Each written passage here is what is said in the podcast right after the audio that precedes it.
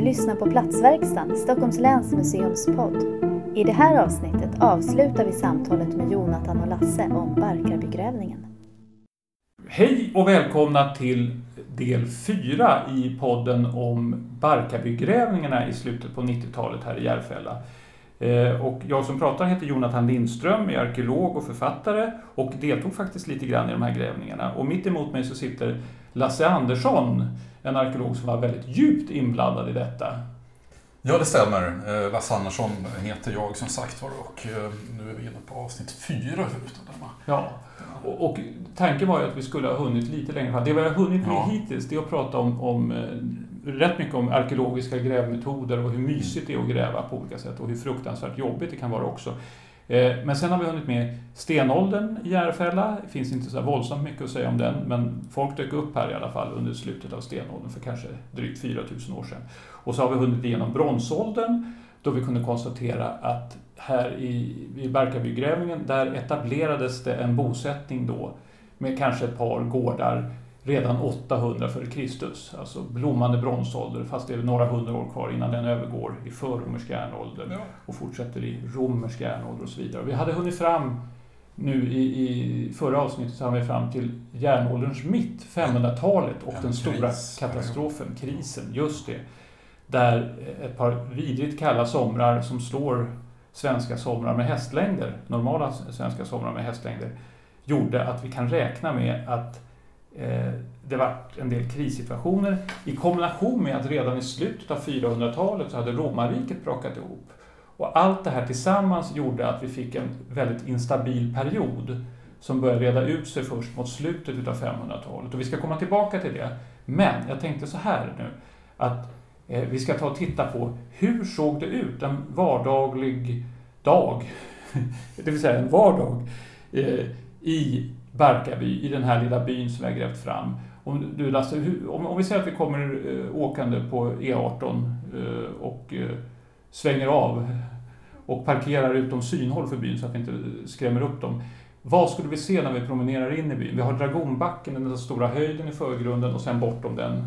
Ja, vi ser ju då sannolikt så att säga, ett antal gravar som ändå har eh, hunnit etablera sig på platsen eftersom man har börjat gravlägga sina människor på allvar här egentligen på 300-talet eh, efter Kristus. Och låt oss säga att vi är nu år 500. Ja, någonstans åker- plus minus 100 år, så du Ja, får plus ihop ja, lite här. ja, jo, det, det är några gravar som finns på just den här, den här dragonbacken som är den, den stora höjden egentligen som Mm. finns här intill. Men Och sen då, ser och då är det brandgravar, alltså man har Brand- bränt sina döda ja, där. nu och- ser man ju inte att det är brandgravar utan de här framstår ju på något annat sätt. Små, små överbyggnader som ofta är flacka under den här tiden. Ja, Eh, sen så ser vi också en, en, eh, en, en anläggning som finns i, i princip liksom väldigt nära boplatsen, nästan på boplatsen, som faktiskt är ganska så säga, markerad. En anläggning, en gravanläggning som är anlagd redan på bronsåldern.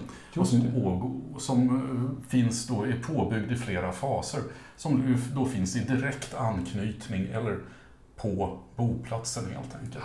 Och det är på något vis den här boplatsens, eller byns mittpunkt, alltså Det här är ur, grundar- ur, urkulle. Grundargraven, ja. Och den här, den här eh, graven har en betydelse för boplatsen och eh, det är väl en betydelse som vi egentligen bara kan spekulera i. För det är mycket, mycket så att säga eh, att den har någon form av mental betydelse men kanske även ägorättslig betydelse också på Ja. något sätt. Att man visar att man har sina, sina, eh, sina äldre släktingar begravda i den här, Ja. i den här Det är ungefär lite grann som om man tänker på sockennivå så, så är det ungefär som kyrkan med kyrkogården. Att det, Ja. det känns som ett centrum. Där, där ligger förfäderna, de allra ursprungligaste och så Ja. vidare.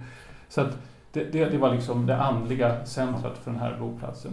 Och sen då, men det lite mer världsliga, vardagliga. Ja, sen- sen vad ser vi vi- bredvid där? Vi ser ju åtminstone en, en byggnad då, då. Om vi går till till exempel 300-talet så har vi åtminstone en byggnad som finns. En byggnad som sannolikt har flera funktioner i, inom samma Ja, tak. Och vad du säger nu eh, på lite mer normal svenska det är att det fanns ett långhus där som Ja, innehöll dels en Precis. bostadsdel för människor Ja. och dels en stalldel då, Ja. eller fähuset då. Och då kan man tänka sig att människorna bodde ungefär i mitten på det här långhuset kan vi säga. Sen har du haft en del, en fädel där du har haft djuren stallade och sen har du kanske haft någon redskapsdel i andra änden också där du har haft din, en förrådsdel där du har haft dina.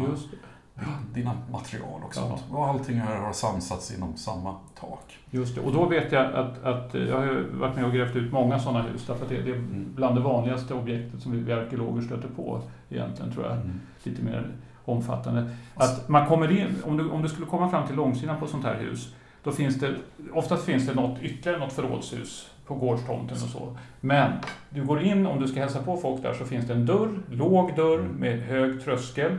Du kliver in och kommer in i förrådsdelen antagligen, därför att man vill ha en liten luftsluss in till storstugan, alltså den centrala bostadsdelen. Man vill väl också behålla värmen inne i storstugan också? Ja. ja. Så, så, att du går in i förrådsdelen, där finns det då mm. det som man har i ett förråd, en massa föremål och krattor och det ena med det andra. Mm. Jag vet inte vad man... Ölkaret kan stå där också, ja. kan man tänka sig. Och sen så svänger det så finns det en mellanvägg där inne då som går in genom ytterligare en dörr. Då kommer du in i huset, alltså centrala delen där folk bor. Och då är det det där klassiska, du har en stor eldstad mitt mm. i det rummet. Och sen finns de här stolparna, takstolparna, två rader med takstolpar. Precis. Och på dem kan det finnas krokar som saker och ting hänger. Och sen längs väggarna så finns då bänkarna där man kan sitta dagtid och arbeta eller man kan ligga och sova då nattetid. Och så finns det säkert ett högsäte och det ena med det andra. Och sen har du i andra änden så har du då färdelen där du har, alltså på andra sidan eh, där du har bott så att säga, så har du färdelen där du har dina kossor. Och de har, ja, det kan man tycka att det är väldigt opraktiskt att ha dem in, inomhus, men det är det inte alls det. För att en kossa det avgör ungefär värme för cirka 1000 watt. Ungefär. Så det är som att ha jättemånga element som finns där. Och det gör ju också det. Det här är en fråga som vi arkeologer ofta ställt sig, ställer oss. Så här, hur har du lyckats behålla värmen med med en eldstad kanske, ja. eller, och hur leder du ut röken är också en sån här klassisk fråga. För man har ju haft innertak, det kan man ju räkna ja, med. Precis. Ja. Mm. För att annars, det här toppiga, alltså ett, ett stråtak för den här tiden, nu kanske man hade torvtak oftast då, men ett stråtak är ju lika högt som det är brett i princip. Torvtak på bostadsdelarna. Ja, och torvtaket är då lite lägre, men det är fortfarande så att du mm. får en ganska rymlig vind. Och eh, man vill ju inte elda för vinden bara, utan då, då har man byggt ett innertak. Mm. Eh, och sen, sen är, det, är det, det här med, med kossor, du, du försvarar ju kossorna här och säger att det blir varmt och skönt och det, ja. det är helt rätt.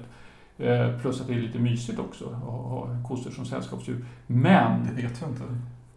Nej, jag bara inbillar mig detta. Ja, okay. eh, men däremot så är eh, det finns alltså eh, utgrävningar i, i lite fuktigare förhållanden där man har husgolven bevarade och det skräp som har legat på husgolven. Och då har det visat sig att just den här långhusdelen som innehåller stallet då, eller fähuset, den är ofta täckt med tjockt med eh, komockor ja. och i dem så finns det enorma mängder flugägg. Mm. Så vi ska, det ska man nog tänka sig att det har funnits väldigt gott om flugor. Nu kan man ju då kontra det, men jag, samtidigt var det så rökigt där inne Precis. så att man höll dem borta.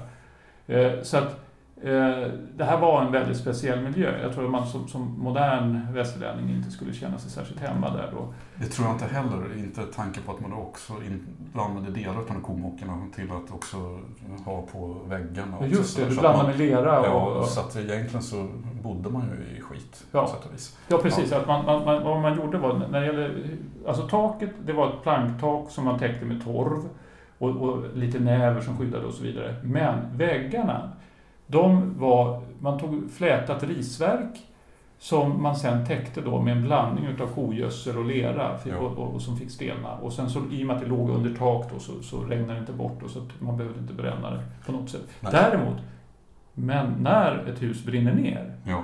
då förstenas de där. Och det, det gör att, eller för, för, ja de blir hårda, ska jag säga. De bränns till en sorts tegel kan och man säga. Och det hittar vi arkeologer. Ja. ja. Och då hittar man kvistavtryck och, och, och annat. Och, det som vi kallar för lerklining helt enkelt. Som ja. här. Och i vissa fall, jag tror jag inte vi gjorde det i Järfälla, så, så hittar man när det är riktigt välbevarat, då hittar man också eh, att väggarna är vitmera, alltså man har lagt ja. vit färg på väggarnas insidor så att det har varit lite fräschare. Det fanns inte sådana fynd på, i Järfälla, men däremot hade vi lerklining i Järfälla så vi kunde se spåren efter, efter byggnaderna på det sättet. Och det var ju en väldigt vanlig Eh, ett vanligt, vanligt öde för de här husen, att de faktiskt brann ner. Och det älskar vi arkeologer, det tycker vi är kul. Det kanske inte bönderna då tyckte direkt, men eh, om de inte brann ner så finns det också tecken på att de helt enkelt, just som vi pratade om innan, blev för skitiga. Så att du faktiskt monterar ner huset och flyttar huset eller byggnaderna, då kanske inom samma, samma så att säga, gårdsområde. Och det kan man se också på Barkarby, i Barkarby här, hur du har byggt byggnader som du efter ett par generationer Säg 50-100 år. 50-100 år, ja, faktiskt har flyttat. Och just nu pratar vi om eh, romersk järnålder, och, eller perioden efter romersk järnålder. Eh, och där kan vi se flera faser där du faktiskt har, har flyttat eh, byggnaderna. Och det där gör det lite svårt för oss i efterhand att avgöra, har det legat en gård här som man har flyttat runt eller handlar det om en by med ja, flera gårdar? Och då gäller det att man har koll på sina dateringar och det är inte alltid lätt att ha. Men det är ju så att du ska, måste kunna på något sätt arkeologiskt kunna datera de här eh, byggnaderna helt enkelt så att du ser att ena, ena fasen är yngre än den andra och så vidare. Och det kan man göra på flera olika sätt. Dels kan man använda kol 14-metoden som är väldigt vanligt att du hittar material som du kan analysera på det sättet. Men man kan också, finns också eh, så att säga, metoder att se hur byggnaderna är konstruerade för att kunna se så att säga, en, en typutveckling helt enkelt utav hur byggnaderna ser ja. ut. För det, där tycker jag, det, det, där är väldigt spännande tycker jag. Uh, uh, arkitekturhistorien. Ja. Och den tycker jag är lite underutnyttjad när man håller på och, och, och utvecklar modern arkitektur. Att man, det skulle vara kul om man tittar lite närmare för det finns en massa olika byggnadsstilar och även om det inte handlar om enskilda arkitekter för att de, de, de ingår i en tradition så är det väldigt tydligt att det finns olika byggnadstraditioner. Ett hus ska se ut på det här sättet. Ja. Och det finns också väldigt roliga såna klimat och naturanpassningar som till exempel hur stora de här eh, vad ska jag säga, storstugan, mm. mittrummet där människorna bor, är, hur, hur, hur, brett det är. Därför att det hänger ihop med hur stort timmer man kan få tag på. Mm. Och då tror jag att det, det, finns någon regel från den här tiden att, att husen som grävs på Öland och Gotland, där det fanns väldigt lite skog, de kanske kan vara 6 meter. Mm. Medan eh, Mälardalen är något mellanting och uppe i Norrland, där kan det vara 9 meter.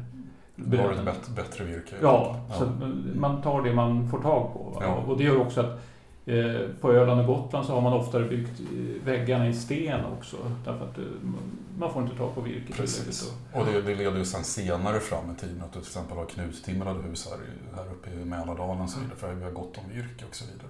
Men att man har skiftesverk, det vill säga plankor i, i söder då. Ja. ja. Men du, ja. nu, nu, jag tänkte om vi nu går över till invånarna i huset så, så har vi ju grävt ett stort antal gravar också. Ja, de ligger där nu, eller låg där innan vi undersökte dem och tog bort dem. Just det, precis. Ja. Och då, då, det vanliga gravskicket då, det är att man bränner de döda och de döda får med sig på bålet så får de med sig diverse föremål. Ja. Eh, och de har vi pratat om lite tidigare, att man kan se att man har haft kontakter med Helgö, en handelsplats och, ja. och viktig centralort mm. eh, en bit bort i Mälaren. Och man har eh, Går vi längre fram i tiden, till vikingatiden, då finns det också smycken som, som pekar ännu längre bort. Ja, då har du ju kanske en, mer en, en direkt eh, så att säga, kontakt med till exempel slaviska områden eller finska områden och så vidare. Så att då har man ju sannolikt ja. eh, in, inte den här indirekta kontakten som du kanske hade när du handlade med Helge och så vidare, utan då har du själv varit och eh, handlat och eh, på olika sätt här... skaffat de här föremålen som Just det. Så att invånarna där i, i, i byn har, har haft möjlighet att följa med på, på längre färder. Sannolikt, ja. ja. Och då kan man ju tänka sig att, att orsaken till att vi hittar ett finskt spänne, ett sånt här runt spänne, ja. vikingatida, som man ska tänka sig alltså en liten brosch ser ut som, med, som är genombruten med lite fina mönster och grejer och sånt där. En sån kan ju ha hamnat här av flera olika skäl. Det kan vara ett plundringsbyte, det kan vara ett, eh, någonting man har lyckats komma åt genom att byta med kanske någon granne som var alldeles närheten. Men det kan också handla om att en finsk kvinna har gift sig till eh, den här gården eller flyttat hit. Av en anledning. Så det där är väldigt spännande. Och, ja. och, ibland har man tur och man hittar väldigt många föremål från ett och samma avlägsna område i en grav och då kan man säga med säkerhet att det här måste vara någon som är inflyttad. Och det har vi väl inte gjort i Barkarby med, med säkerhet? Där. Nej, det kan jag inte påstå. Men däremot, vi ser att, att det finns ökade kontakter då. Ja. Och sen då, utöver detta så kan man få med sig lite mat och man kan få med sig djur, av vad en del inte ska räknas som mat. Då. Alltså får man med ko och gris så, så är det väl något man stoppar i sig, är det tänkt. Men, men, hästen får man med, den kan man också äta. Mm. Men, men, eh, och häst, de här djuren som vi hittar de här gravarna, de, de anser jag ju då ofta är väldigt, väldigt statusindikerande.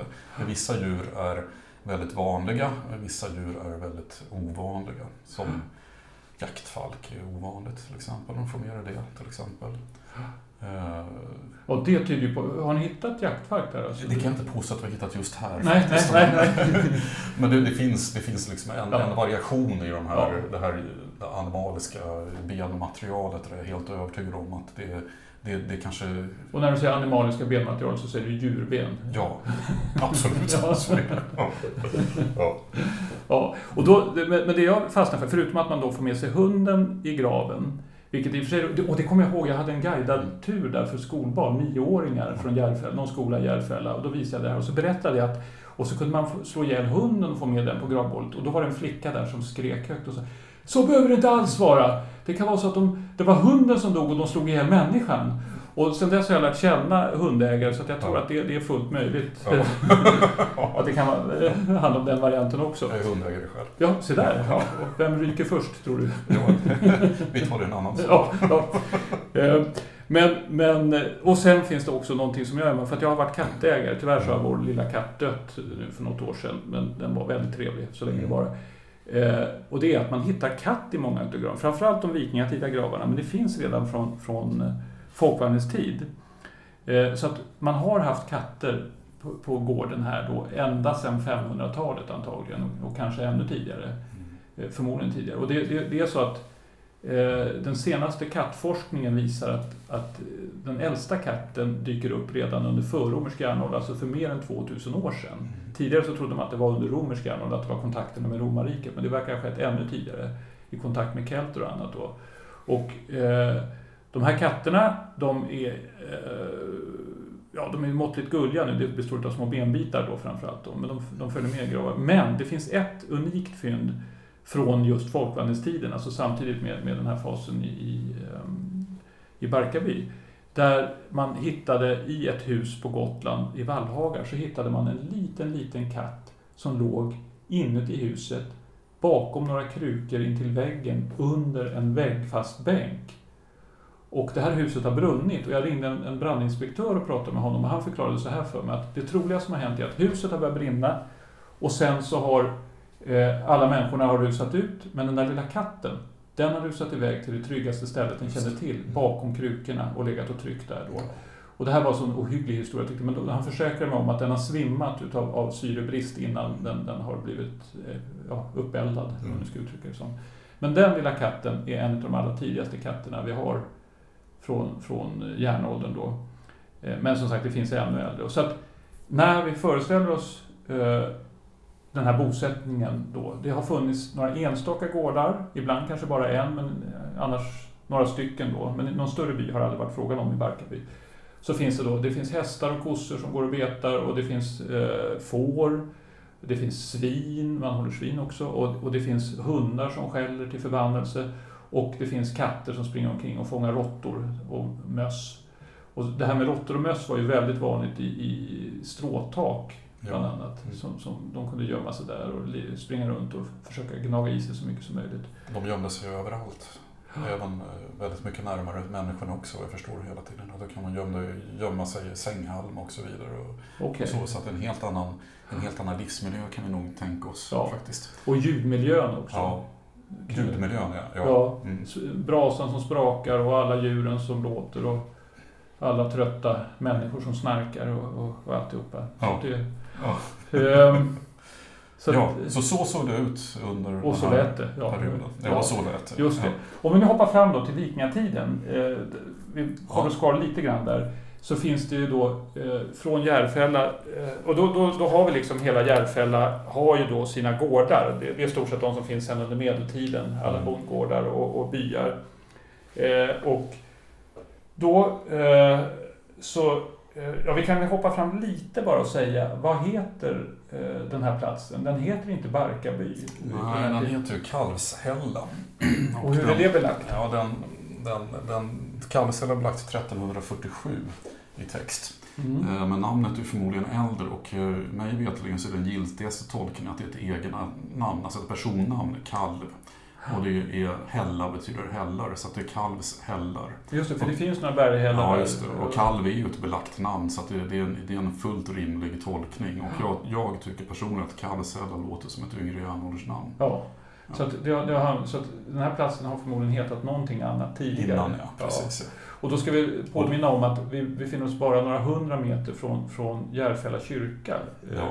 Och där fanns det ytterligare en by som troligtvis har hetat Järfälla. Så Ja, det. det här är inte Järfälla. Det här är utan inte Järfälla. Nej, Nej. utan, eh, Utan någonting det har hetat, men inte Järfälla. Det här är kalvshällen. Ja. Det låter lite ungdomligt att, att heta kalv, men det är kanske inte riktigt meningen. Ja, det får man reda ut någon gång. Ja. Ja, men Men- då, då, eh, eh, då är det som så att under vikingatiden, då överger man långhusen och börjar bygga eh, lite mindre. Man, man styckar upp dem, eller vad, vad är det Ja, som fast händer? nu, nu, nu har, har du gått lite längre fram. va? För att egentligen så handlar väl det här om eh, under den absolut senare delen av vikingatiden då du överger långhusen. Okej, Då, då, det Okej, då nästan övergången Ja, till, ja. till, nästan övergången till medeltiden. Men, Okej. men ja, visst. Då backar vi lite, lite grann. Lite, lite, lite men vi håller oss fortfarande i, den sena vikingatiden, nämligen 1000-talet. 1000-talet, det tycker jag låter absolut eh, utmärkt för då, då kan du ha gått, övergått till den här eh, byggnadstraditionen. Ja, men vad bra. Ja, Och då ska vi alltså... Men- för, ja, ja. hade du något att berätta om det som den tidigare vikingatiden? Nej, så- vi lämnar den. Okej, ja. För då, om vi går då. Eh, därför att vad som händer då, det är att man börjar stycka upp eh, de här långhusen i separata delar så att vi får den här klassiska eh, bondgården med ett hus för människor, ett hus för djuren, ett förråd, ett fristående förråd. Och man kan ha ytterligare lite byggnader då. Kanske en bastu och lite sånt där då. Just det. Ja. Och då... Eh, En byggnadstyp som är väldigt vanlig under den här perioden också, det är ju grophusen. Och det har vi hittat flera, flera stycken. här ja, då får du förklara vad ett grophus är. Ja, det är ett hus som delvis är nedgrävt i backen. Ja. Eh, Och det är väldigt, väldigt litet. Det kan vara bara några få kvadratmeter. Och eh, ett vanligt fynd i grophus är faktiskt eh, delar utav vävstolar, så kallade vävtynder, som man hittar i just de här grophusen. Så att eh, till, till viss del, det här är en ganska traditionell tolkning, så kan de här ha fungerat i textilproduktion på något sätt helt enkelt. Ja. Och när du säger textilproduktion så menar du att det kan, folk kan ha suttit där och vävt? Ja, just det, Ja. precis. Ja. Helt enkelt. Vävstugor? Vävstugor, ja. Fast man måste vara ganska rökiga för det är väldigt, väldigt, väldigt små, små byggnader, ofta med en eldstad i ena hörnet och så vidare. Och så.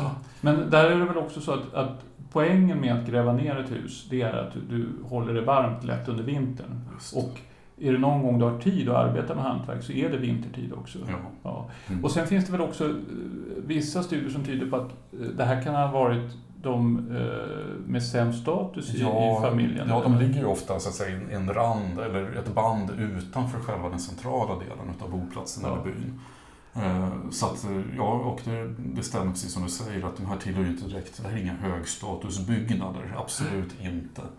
Utan högstatusbyggnader, de, de fanns någon annanstans, de fanns Ja. ju centralt. Så- Men sen, sen kan man också tänka sig att det kan ju vara så att trälar, alltså att man, man hade Ja. undantagsfolk, eller man ska, hur man ska uttrycka det, som fick Det, det finns ett, ett, ett problem inom arkeologin och det är, det är att hitta de lägsta sociala grupperna, trälarna. För att de, de gör, har ju inte liksom riktigt samma markeringar som den, det övre sociala skiktet, högstatusen. Alltså högstatus är väldigt lätt att markera men lågstatus det är ju, det är ju snarare en avsaknad av någonting kan man ju tänka sig i så fall. Och det är svårare att hitta arkeologiskt och det är ett stort mysterium för Ja, oss. ja, men det där klassiska, jag hittar ingenting, alltså har jag visat på att det finns någonting. Eller, det, Ja. det, Ja, det, så, det, så det kan man inte resonera. Nej, nej för, och det, det finns något namn på det där på latin som jag glömde för en stund. ja. Ja. Men, eh, men, men då, har vi, då har vi alltså allt fortsätter men byggnadstypen förändras och sen så finns det, som jag förstått också, någonting annat från den här tiden bevarat, nämligen för första gången eh, någonting i skrift. Ja, du tänker på runstenar. Ja.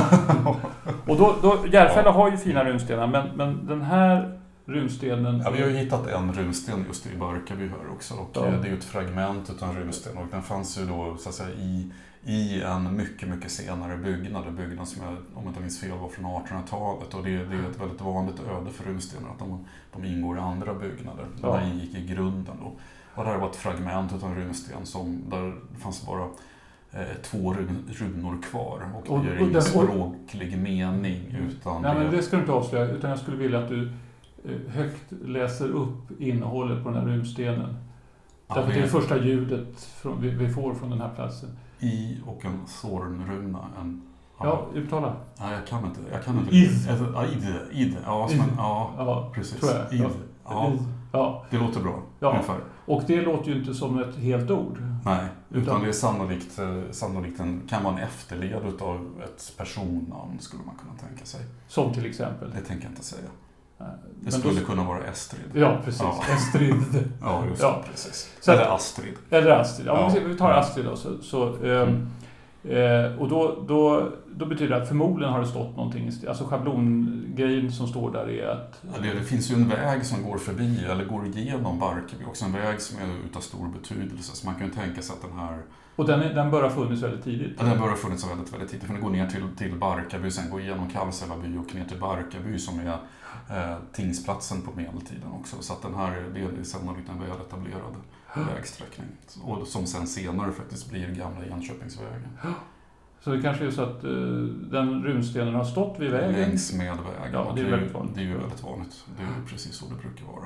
Och de har kanske plockat den. eh, Och den, den är väldigt, väldigt eh, fotnött sten. Så att den har sannolikt legat som ja, någon form av trappsten eller Just någonting. det. Och blivit nött då. Ja, blivit Ja. nött, ja.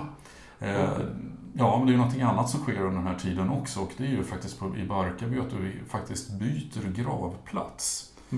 Eh, man lämnar den här stora höjden som vi kallar för Dragonbacken och eh, drar ner gravplatsen och det, det här sker kanske på 900-talet ungefär, sen, sen vikingatid. Drar ner gravplatsen eh, till det området där du tidigare har bott. Okej. Hänger du med? Ja, alltså man, man, man växlar om lite där. Man växlar om. Också så flyttar man, flyttar man boplatsen lite längre söderut och det är nog ungefär i, i det här sammanhanget som kanske byn får namnet Kallsälla.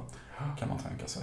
Och det betyder att det kan ha skett något brott i bo, alltså vilka som har bott på gården. Att eh, det, kan ha, det kan vara samma familj eller släkt, men det kan också vara så att Kalv är någon ny kille på plats. Någon händelse är det. För att Ja. den här stora graven som vi har tänkt, pratat om tidigare, den här eh, som har ett ursprung i bronsåldern. Den har sin sista begravning på omkring 800-talet. Okej. Och det är ungefär i den här perioden som hela den här omflyttningen eh, sker. Ja. Så att den stora graven, eh, som kanske har markerat någon slags eh, rättighet till, till det här området, till det här market, den förlorar betydelse under den här perioden. Så att någonting eh, dramatiskt sker här under vikingatid helt Ja. enkelt. Och då, just det, och då, då betyder det att det kan vara helt enkelt så att det är en politisk förändring. Det har att göra med kanske det här med att Sveariket börjar växa fram tydligare. Allt sedan 500-talet efter den här krisen när Uppsala-kungarna får mer och mer att säga till om. Och sen så sker då, du får ju liksom antydan till kristnande också i slutet av 900-talet. Men den här förflyttningen då, innebär det att, att du fortsätter att begrava i brandgravar? Att det är fortsatt hedniskt gravskick? Nu kommer skelettgravarna, de obrända. Det finns i den äldsta fasen så finns det brandgravar. Ja. Men sen så kommer ganska omgående, raskt efter de första gravarna som anläggs på den här nya platsen, så börjar man lägga sig obränd. Och det Okej. tyder på någonting helt annat. Det Och då är på det någonstans framme kring årtusen eh, och, eh, och till och med lite tidigare. den första, de första skelettgravarna, om jag inte minns fel nu, så ligger de i 900-talet och de, de, eh, de ligger i lite annorlunda ställning. De ligger på sidan och så vidare. Det är som att de Ja. inte riktigt vet hur man ska göra. För, det, ja, för att, eh, då ska vi nämna det att Ja. i och med att kristendomen sprids eh, och vilket sker mer effektivt då från slutet av 900-talet. Erik Segersäll är tillfälligt kristen ett tag och sen Olof Skötkonung drar igenom ordentligt Mm. och efter det så är i princip kungarna kristna. Även om det kommer någon liten hednisk reaktion så småningom. Mm. Men då, Eh, då kan man se att det dyker upp vid gårdar runt om i Mälardalen så dyker det upp på deras gravfält eller intill de gamla hedniska gravfälten så dyker det upp alltså det vi kallar för enkla skelettgravar. Och det är att man har begravt folk i kistor och då har de haft enkel klädsel, en vit eh, långskjorta och de får knappt några föremål med sig därför att de ska, man kan ingenting ta med sig dit man går. Och de ligger med fötterna mot öster för att när Jesus kommer på den yttersta dagen då kommer han med soluppgången och då ska man kunna resa sig med ansiktet mot öster. Just. Ja, och, det här är, och, och, då, och då är det där väldigt roligt, att man kan se hur de liksom trimmar in det nya begravningsskicket. Att ja, jag råkade lägga honom åt fel håll, eller att, att han fick med sig lite extra, eller hon fick med sig lite extra prylar. Eller att, att de ligger, som du säger, då, på sidan och sådär. Ja. Så att, men men, men det, det är uppenbart då att, att, och det här är det är rätt fascinerande också, att trots att de bor vid det som så småningom ska dyka upp, nämligen Järfälla kyrka, som ligger bara en bit bort därifrån, Mm. så väljer de ändå att begrava hemma på gården. Ja, det finns ingen kyrka. Nej, Nej. det är ett gott skäl att hålla kvar där. Ja. Men, men, men sen finns det också den där, jag tänker mig lite, om man lite känner in det där, så är det väl lite grann också att det är lite mysigt att ha släkten in på knuten. Ja, men det är, det är ju den här, den här klassiska övergångsperioden. Alltså att du, du kan, låt oss säga att du går över till kristendom någon gång några decennier in på 1000-talet kanske under den här perioden. Eh, och då har du inte hunnit bygga någon, någon så att säga, för bygden gemensam eh, gravplats. Det finns ingen kyrka eller någonting sånt. Utan den kristna kulten, de kristna ceremonierna, de, de sker sannolikt på något annat sätt, inte i en kyrka. Men kyrkorna börjar komma på 1100-talet och det är först då du flyttar dina begravningar egentligen till den gemensamma begravningsplatsen. Så att eh, de flesta, eller väldigt många gravfält utav den här typen som är från yngre järnålder har en fas med eh, obrända individer som brukar tolkas som kristna.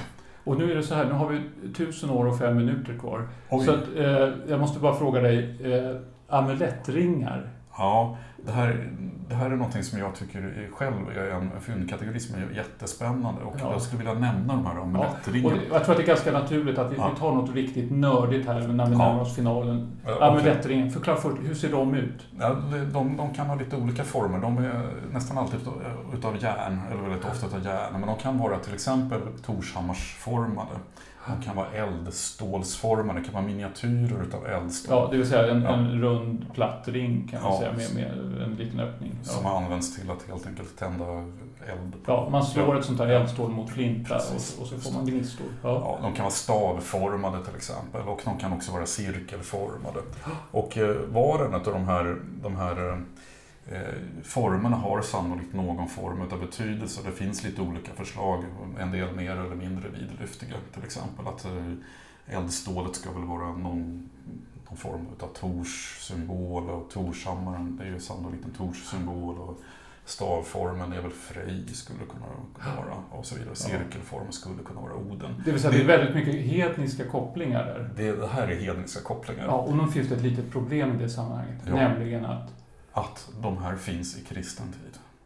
aj. Aj. Och, och hur dyker de, när dyker de upp och var dyker de Ja. upp? Alltså de här, just i Barkarby så, så dyker de här upp i eh, en mängd utav, utav gravar som finns, alltså kristna gravar, så finns de här amulettringarna. Eh, Och eh, nu har vi pratat eh, arkeologisk metod tidigare och vi kanske hade vunnit lite grann på att, att grävt vissa av de här gravarna 20 år senare för då hade vi kunnat mer eh, kanske noggrant bestämma exakt så att säga, när de här amulettringarna grävdes ner i de här gravarna. För att jag tror att de här amulettringarna har kommit in eh, i gravarna inte i samband med att eh, man har utfört själva begravningen utan jag tror att man har lagt dem där senare i efterhand i, i någon form av ceremoni. Och det här kanske man har gjort i all hemlighet för att man har sannolikt rört sig i en, i en kristen miljö och hållit på med någonting som är verkligen hokus pokus, som är, är hedniskt. Eh, Så att det, det, man kan alltså jämföra med det här att det har ju funnits hela tiden, ända in på början på 1900-talet, så har ju människor eh, haft, haft vad man skulle kunna betrakta som hedniska föreställningar, tomtar och troll och annat som man, som man har trott på. Nu har ju i och för sig kristendomen erkänt demoner av olika slag, ja. men, man, men att man lägger ut matoffer och annat till tomten och så vidare. Ja, kristendom är ju ganska, också ganska mycket hokus pokus måste vi säga. Ja, ja, jo, jo, jo men nu, nu pratar jag om ett kristet perspektiv Ja. på detta. Mm. Alltså, och, och, då, och då kan man alltså tänka sig att vi har formellt då så är man kristna, allt ska gå rätt till där, men så kan inte släktingarna riktigt, riktigt släppa Nej. För säkerhets skull så petar vi dit, Även lite. fast samhället går över till kristendomen på 1000-talet, alltså vi kan lite slarvigt säga att kristendomen blir den samhällsbärande ideologin på 1000-talet, så finns sannolikt eh, så att säga, föreställningarna om, från den gamla hedendomen finns kvar. Men nu måste jag citera Upplandslagen som väl är från 1296, Ja, inte jag minns fel. Den gäller inte längre, men, men sa gör det. Den gäller inte längre, men gör det. Jaha, va? Ja, Okej, ja. ja. eh, Där står det så här. Det här är alltså, nu rör sig alltså en miljö som är klart medeltida, som vi brukar klassa som mycket, mycket kristen. Men där står det, ingen skall blota åt avgudar och ingen skall tro på lund eller stenar. Det här är alltså Upplandslagen 1296. 1296. Och varför skriver man in det här i en lag? om det måste betyda att Att det det fortfarande här- är ett problem. Ja, det här är precis det folk sysslar med. Och Järfällaborna var inte bättre än Nej, andra. Nej. Precis. Och det roliga med de här amulettringarna det är att man, man har haft uppenbarligen en avsikt att lägga ner de här just i gravar som man sannolikt uppfattar som, som eh, gravar efter sina förfäder. Eh, Men en gång så har man misslyckats, så då har man grävt ner den här i en naturbildning som ser ut som en grav, men som inte var en grav. Så att man har, man har redan... Och det här Sherlock Holmes, det här är ju väldigt spännande för det visar ju att det har skett så långt efteråt så att man har inte haft järnkoll på vilka gravar det handlar om. Så att det, det här är... Och, och när tror du, om, i årtal? Ja, det är ju jättesvårt att säga faktiskt. Alltså det är jättesvårt. Man skulle behövt bättre så att säga, date- dateringsinformation för det här. Men det- säg 1100-talet och sånt där. Ja, definitivt. Ja. Och nu ska vi klara av de sista det, tusen de åren. yng- yngsta gravarna som vi pratar om här, det, Ja. det, är ju, det är ju 1100-tal. Så att, och alltså, nedgrävningen och de här offren som vi pratar om, de är ju senare. Så att, ja, 1100-tal. Ja, så. Nu får du ta det lugnt med amulettringar för vi ska Mm. hinna med så oändligt mycket Ja. mer här. Eh, därför att eh, det som händer nu eh, när vi passerar då vikingatidens slut eh, under senare delen av 1000-talet, eller 1000-talet ska man kanske säga om jag är korrekt, det är att kyrkan byggs borta i, i, vid Järfälla och Mm. den byn blir då en, en kyrkby helt enkelt. Och socknen kommer att så småningom, då när socknen utbildas under 1200-talet tydligare, så kommer den få namnet Järfälla. Och då blir, blir Kalvshälla då, som, som våran by heter, som, som vi har grävt ut då, den blir eh, lite sekundär i förhållande till den. Men den ligger ju väldigt bra till ändå. Den ligger ju vid landsvägen och, och, och eh, det finns ju den där runstenen. som Det ligger alldeles utmärkt till. Och som sagt var Kalvshälla, det, det nämns ju i ett, i ett fastebrev 1347. Alltså, och ett fastebrev är, Det är ett köpebrev kan vi säga. alltså det, det är liksom ett kontrakt på, Ja, på lokalen. Och det, in, det, det handlar in, det här brevet, det här dokumentet, skriftliga dokumentet, handlar inte om att Kalvshälla byter ägare utan det, det finns så att säga ett vittne som heter Knut helt enkelt. Jaha. Som en nämndeman helt enkelt. Just så det handlar om en helt annan Ja, jordaffär precis. någonstans. Mm, och då, då är han med där. Och byn nämns då först. Ja, och vad heter den här nämndemannen? Han heter Knut. Knut. Mm. Så där har vi det första. Den första Ja. kända Kalvshälla. Ja, och sen vet vi någorlunda säkert att det fanns någon som hette någonting hmm, hmm, Ith. Ja, som ja, nämns fast- på runstenen. Ja. Just. Fast den personen kan ju ha bott i Ja. någon annanstans. Ja. Men jag Mm. vill ändå tänka så. Ja. Ja. Eh, och eh, då... hur- Men själva tingsplatsen då, var, var fanns den? Den fanns vid Barkarby. Och hur långt bort är det? det Det är en kilometer. Ja. Väldigt, väldigt nära. så det, allting Ja, ligger det- nära det på kyrka och tingsplats och allt. Det är sikt mellan Kalvshälla och Barkarby. Man ser förmodligen gårdarna. Och sen, eh, vet du någonting i övrigt under medeltiden, 1500-talet? eh, Eller, eller hur långt fram måste vi gå innan det finns... Eh, Jag vet att många Kalvshällabor är just nämndemän. Alltså att man har ett förtroendeuppdrag, så att säga. Mm. Man, man har en vi- viktig funktion. Och eh, ja, frågan är om det handlar om att man faktiskt har den här närheten till tingsplatsen på något sätt. Jag vet inte. eh, Men det, det, finns ett, det finns ett antal, ett antal så att säga, kända personer som sen, så att säga, å- eller personer som är kända till namnet som sen eh, ja, finns med i Mm. historien framåt. och sen tänker mig att, att det måste ju finnas en massa händelser som handlar om att folk passerar där på landsvägen utanför. Att det är lite utsatt läge. Ja. Som under medeltiden när, när eh, Sten Sture och hela det där gänget Sturarna far fram och tillbaka och Ja. rider och sånt där. De kan ju passera precis här utanför. Och så att det var ju... Det är ju inte så skojigt egentligen att bo så tätt inpå. Nej. En massa Eh, busar. eh, Den- Sam, samtidigt som det kanske inte är så skojigt så är det väl ändå så att det är som att få tidningen utburen till sig. Man får veta vad som Man händer. får veta vad som händer istället Det för att ett- sitta ute i eh, Ja, någon jag, jag helt det är- annan ort så, så kan man ju tänka sig att Kallhällaborna ändå var ganska så att säga, väl informerade om vad som hände i världen. Ja, För att folk rider förbi och alla är ju inte fientligt inställda ens på den tiden. Sån människosyn har jag. Ja, Ja. du är så eh, blåögd. Ja. Men, ehm, ja, men det betyder att, att, Mm. att det, det, här är en gård som är, den är lite bättre kan man säga. Har lite bättre ställt ändå på något vis. Då. Lite, lite status ändå, Ja. även om de inte är på topp. ja, under en period Ja. kan man säga så. Och sen så händer det en massa saker i samhället även här på 1500-talet och reformationsriksdagen 1527 som ju eh, leder till vissa samhällsförändringar. Hur det här direkt påverkade Kallsälla, det vet jag faktiskt inte riktigt. Men eh, det är ändå så att eh, det, det är någonting, det är också ytterligare sån Ja. vi har ju pratat om många samhällsförändringar tidigare. Eh, Och det här är ju också en, samhällsförändring utan Ja, just säga. Och sen händer det någonting väldigt lokalt här som, som vi arkeologer är förtjusta i men som de förmodligen var mindre förtjusta i i början på 1600-talet. Byn brann ner. Oj. Ja.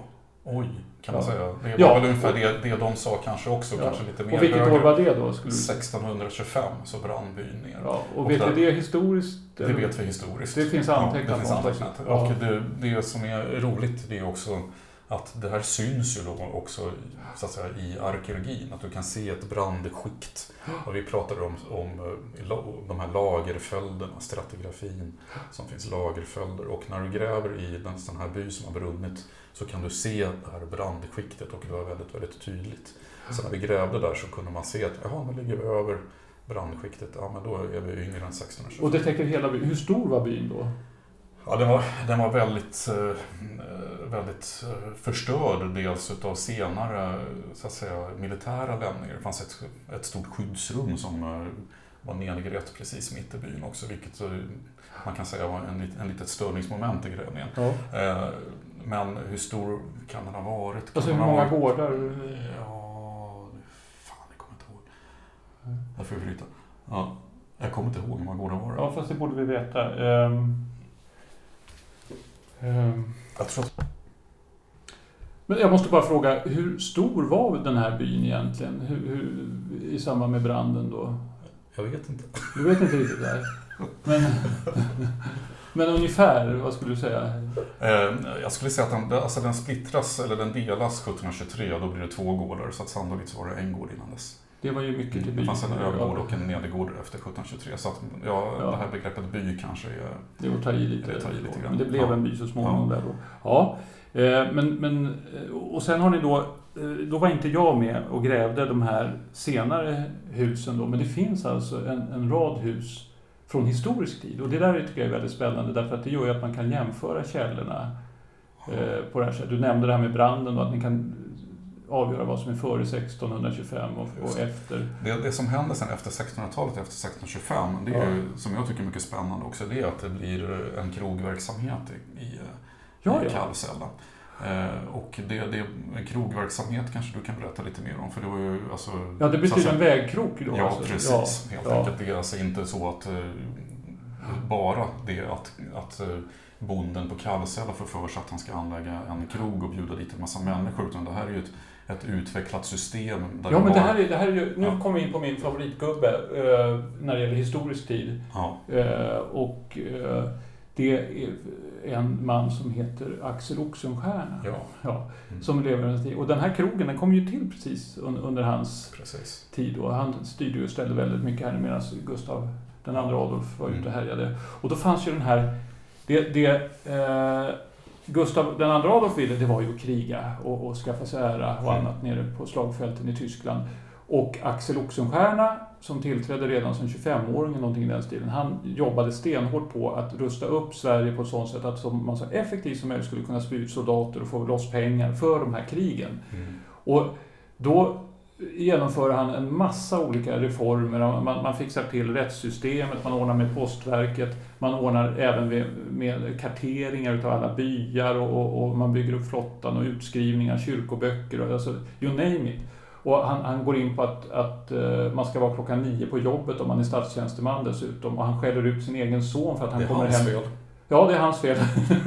och hans egen son kommer hem med reseräkningar, har varit nere som, som ambassadör på kontinenten, eller diplomat på kontinenten. Och Axel Oxenstierna blir förbannad och säger de här räkningarna får du betala själv, det här har du inte gjort i statens tjänst och plockar ut ett antal kvitton och sånt där. Så att han, han, sen var han ändå lite lättmutad och, och, och, roffade åt sig lite pengar. Men det var ändå, på något sätt så var det han som eh, av ett väldigt obehagligt skäl strukturerade hela Sverige, kan man säga, om man ska föra tillbaka det på en person. Och sen då när stormaktsdrömmarna försvann, då hade vi kvar hela det här regelverket. Och fortfarande idag har vi glädje av det på det sättet att eh, vi har en väldigt välstrukturerad stat, att, att vi har relativt lite korruption och sådana saker. Och det, det här som hade en sån jäkla obehaglig orsak, att man ville bara kriga, ett meningslöst krig. Och det, det kunde få flera sekler senare... Bland annat att man byggde upp vägsystem, nya vägar och ja. bättrade på de gamla vägarna och såg så till att man hade krogar där du kunde låna en häst och ja, så vidare. Och, och övernatta och så vidare. Och, det, var, det ingick, så, ja. så då kan vi säga att då, Kalvshälla ingår i detta. Absolut. Att det var krogverksamhet. Ja. Så att alla som drack öl där på den tiden, de bidrog till eh, ett fungerande samhälle. Ja, och det gjorde de också, för de drack öl och de tappade mynt och så vidare. Vilket ja. vi, vi då också har sett i de arkeologiska undersökningarna, att du hittar mynt från den här tiden helt enkelt. Okej. Okay. Och så vidare. Så det, och i fyllan och villan då. Och sen har man dessutom hittat någonting väldigt tydligt från den här tiden då. Eh, ja, som ju definitivt hör till krogverksamheten. Man har hittat en så kallad ölhane. Eh, som ju helt enkelt har suttit på, på en, en tunna med öl helt enkelt. Det är alltså som, en kran? En kran, ja, ja. precis. Just det. Precis. Ja. Men 1667 så lägger man ner eh, krogverksamheten, Jaha. eller rättare sagt man flyttar den. Och frågan om det var frivilligt eller inte, men eh, man flyttar den till en krog som faktiskt finns kvar idag. Jaha. Och det är ju Barkarby gästgiveri. Så där. Ja, precis. Så där kan man fortsätta och tjäna staten. Ja, precis. ja, ja. Eh, ja men det där är fascinerande. Och sen, vad, vad händer sen då? Vad, vad, eh, historiskt, vad, vad händer med Kalvshälla? Det blev soldattorp 1690 och sen ja. säljs Och där då måste jag säga att då börjar det bli lite jobbigt med stormaktstiden då eftersom det kan man väl säga. ganska snart så går den under. Och ja. de här stackarna som var soldater vid den här tiden, eh, kring år 1700, de de kunde väldigt lätt råka illa ut. Och, ja. och det här är definitivt också en nedgång för, för Kallshälla kan man säga. Man säljer 1723 till Säby. Eh, som ligger där i närheten? Som eller? ligger ganska nära, ja, som ligger i närheten. Eh, och Säby använder det här från 1850 som tjänstebostad. Alltså man, man förlorar sin... Alltså Kallshälla är inte längre från att man säljer till Säby så är Kallsälla inte längre en egen by. Ja. Utan då, till, då uppgår det i Säby och eh, Säby använder det som, en, eh, som tjänstebostad. Även under 1800-talet? Ja, 1872 så lägger man ner, då river man, då river man byn. Och då kan vi räkna med att innan man river byn så har man hunnit bygga en jordkällare i den stora, alltså den här enorma släktgraven då som, som Precis. Det måste man ha gjort och det ja. kan man tänka sig skett någon gång ganska snart innan man lägger ner byn för att det måste vara 1800-tal. Alltså då, då, har vi alltså en, en, historia som sträcker sig från eh, Ja, vi, vi, har det där det här, det här är väl, om vi ska liksom runda av nu så, så kan vi alltså säga att det, det här är ett, det, det, är en fantastisk grävning på det sättet att vi får så många olika perioder och kan följa liksom utvecklingen över, över tusentals år. Att det börjar lite lätt som en liten harkling med den här lilla skafthålsyxan från slutet av stenåldern som kan vara ditplacerad i en grav från vikingatiden, så vi vet inte varifrån den kommer. Men där dyker vi upp. Och sen så har vi hela bronsåldern då med, med eh, bosättningen som uppkommer där på 800-talet och sen finns det en eller ibland lite fler gårdar hela vägen fram till eh, 1800-talets slut och eh, vad händer sen då efter 1872? När man, då är det den här militära verksamheten? Ja, det finns faktiskt en fortsättning också i Kalsen, ja. även fast man inte, någon som bor där, kanske inte frivilligt åtminstone. För att sen på 1830-talet så, så tar militären över verksamheten och då anlägger man ett antal skyddsrum precis rakt i Kalsela, Kalsela by. Ja, och, och nere på åkrarna och ängarna där nedanför ja, så ligger flygfältet dessutom. Då. Just det. Och det där, den här militära verksamheten fortsätter ju en, en ganska en, en bra tid, eh, en lång tid. Eh, och sen så steget efter den militära verksamheten, det är ju vi. Ja, strax innan så har du då vägbygge, alltså att man, man breddar vägen där. Ja. Och man fyller igen jordkällan. Och strax innan dess så har någon tokig typ slängt in ett par eh, snuskiga polaroidbilder i botten där. Så att det, det var liksom den sista eh, hälsningen från tiden före den arkeologiska utgrävningen kan vi säga. Men nu finns det här eh, materialet, det finns alltså återgivet dels i en rapportserie, gravfältet vid Kalvshälla bytomt, eh, Dragonbacken, kyrkbyn i Järfälla och så vidare. Det finns, det finns en massa material. Det finns på, på Länsmuseets hemsida. Ja, Länsmuseets hemsida så finns de där. kan man ladda ner de där rapporterna som pdf-filer. Det finns även en hel del andra eh, så att säga, populära artiklar och så vidare som finns om de här undersökningarna. Det finns en bok som heter Forntiden i dagar där en del finns publicerat. Det. Och så vidare. Så det, det är ju publicerat i en massa olika sammanhang. Och, sen kan man, och det, det är bara att kontakta Länsmuseet så kan man få veta mera. Och, och eller Ja. alltså ett företag som heter Nu jobbar jag på Uppdrag arkeologi så att det, Ja. ja. jo, absolut. Men det, det går säkert att kontakta Länsmuseet också. Ja, man kan så kontakta, till er man kan ta, kontakta Uppdrag arkeologi också Ja. mig om man är intresserad. Absolut. Yes. Ja, men eh, tack, det var väldigt trevligt att få dra sig till minnes en massa arkeologiska äventyr här. Tack ska du ha. Lasse. Det var jättekul. Tack. Hej. Du har lyssnat på Platsverkstan, en podd producerad av Stockholms läns museum. Vill du veta mer om oss och hitta fler avsnitt? Gå in på stockholmslansmuseum.se